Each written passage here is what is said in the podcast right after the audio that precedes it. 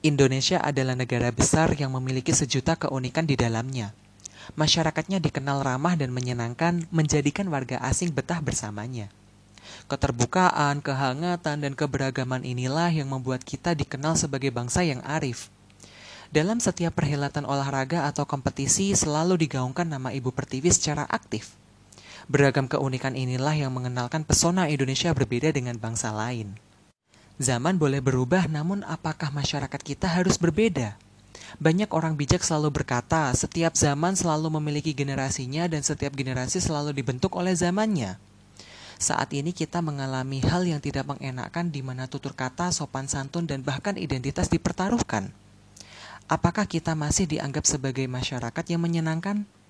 Kemajuan ilmu pengetahuan dan teknologi merupakan tantangan kita untuk mau menyesuaikan, bukan malah terlena karena dimanjakan.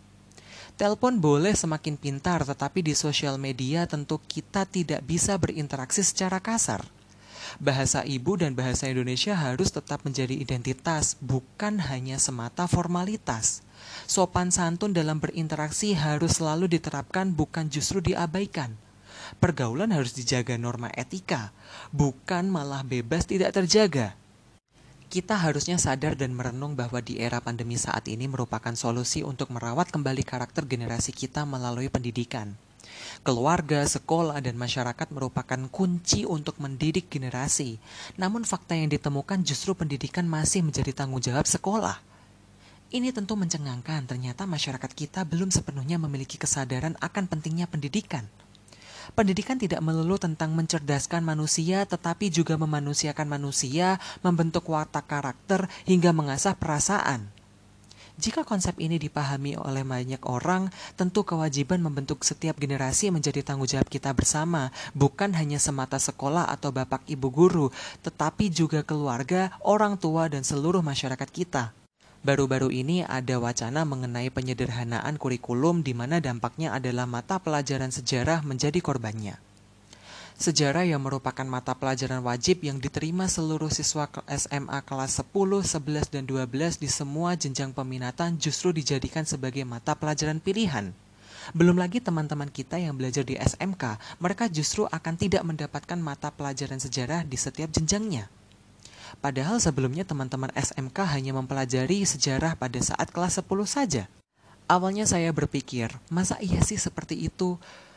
Kok bisa-bisanya seperti ini? Apa maksudnya kok sepertinya mereka hanya pernah belajar sejarah tapi tidak pernah belajar dari sejarah? Bagaimana nasib teman-teman kita Bapak Ibu guru honorer yang harus mencari jam tambahan? Setidak penting itukah pelajaran sejarah?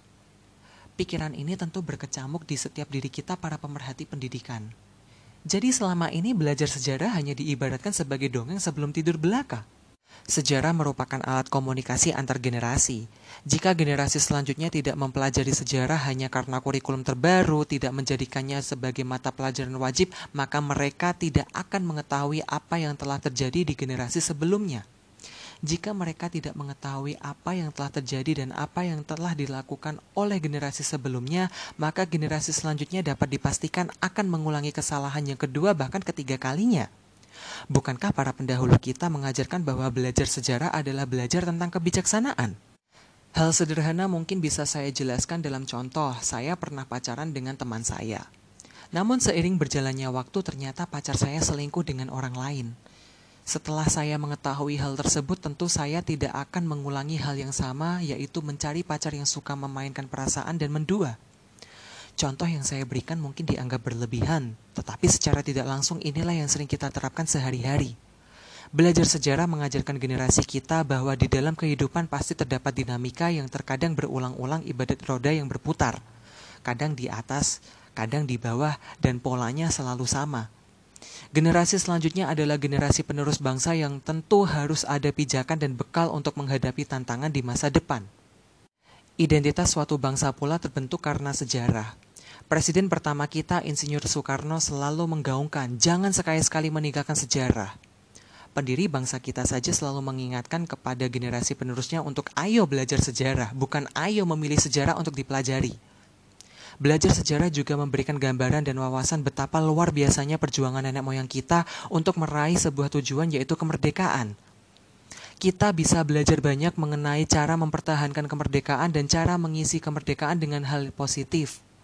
Kita bisa belajar banyak mengenai bagaimana perbedaan pendapat yang dialami oleh golongan tua dan golongan muda dan cara menyikapinya. Cara berpikir kritis pula diasah ketika kita mempelajari berbagai konspirasi tentang siapa dalam sesungguhnya gerakan 30 September 1965. Perasaan kita pula akan semakin dekat dengan beberapa tokoh jika kita mempelajari tokoh-tokoh pejuang bangsa. Nilai-nilai tersebut selalu melekat dalam diri generasi kita dan tentu saja menjadi ingatan bersama bahwa ternyata kita pernah melakukannya dan kita berhasil menyelesaikannya. Saya menjadi sanksi ketika tujuan pemerintah melalui pendidikan adalah untuk mencetak generasi emas di tahun 2045 jika dalam waktu dekat wacana penyederhanaan kurikulum ini mengabulkan mata pelajaran sejarah hanya dijadikan sebagai pilihan. Generasi selanjutnya tentu tidak akan mengerti cara mengatasi krisis ekonomi yang akan melanda, konflik perpecahan di mana-mana, penanganan kasus korupsi, bahkan penanganan berbagai tindakan kenakalan remaja. Belum lagi teman-teman kita di SMK yang nantinya akan terjun langsung bekerja di masyarakat. Mereka akan menjadi robot dan budak kapital yang tidak kritis. Yang kita perlukan saat ini adalah keseimbangan antara intelektual, spiritual, emosi, kreativitas, dan daya tahan generasi dalam proses pembelajaran.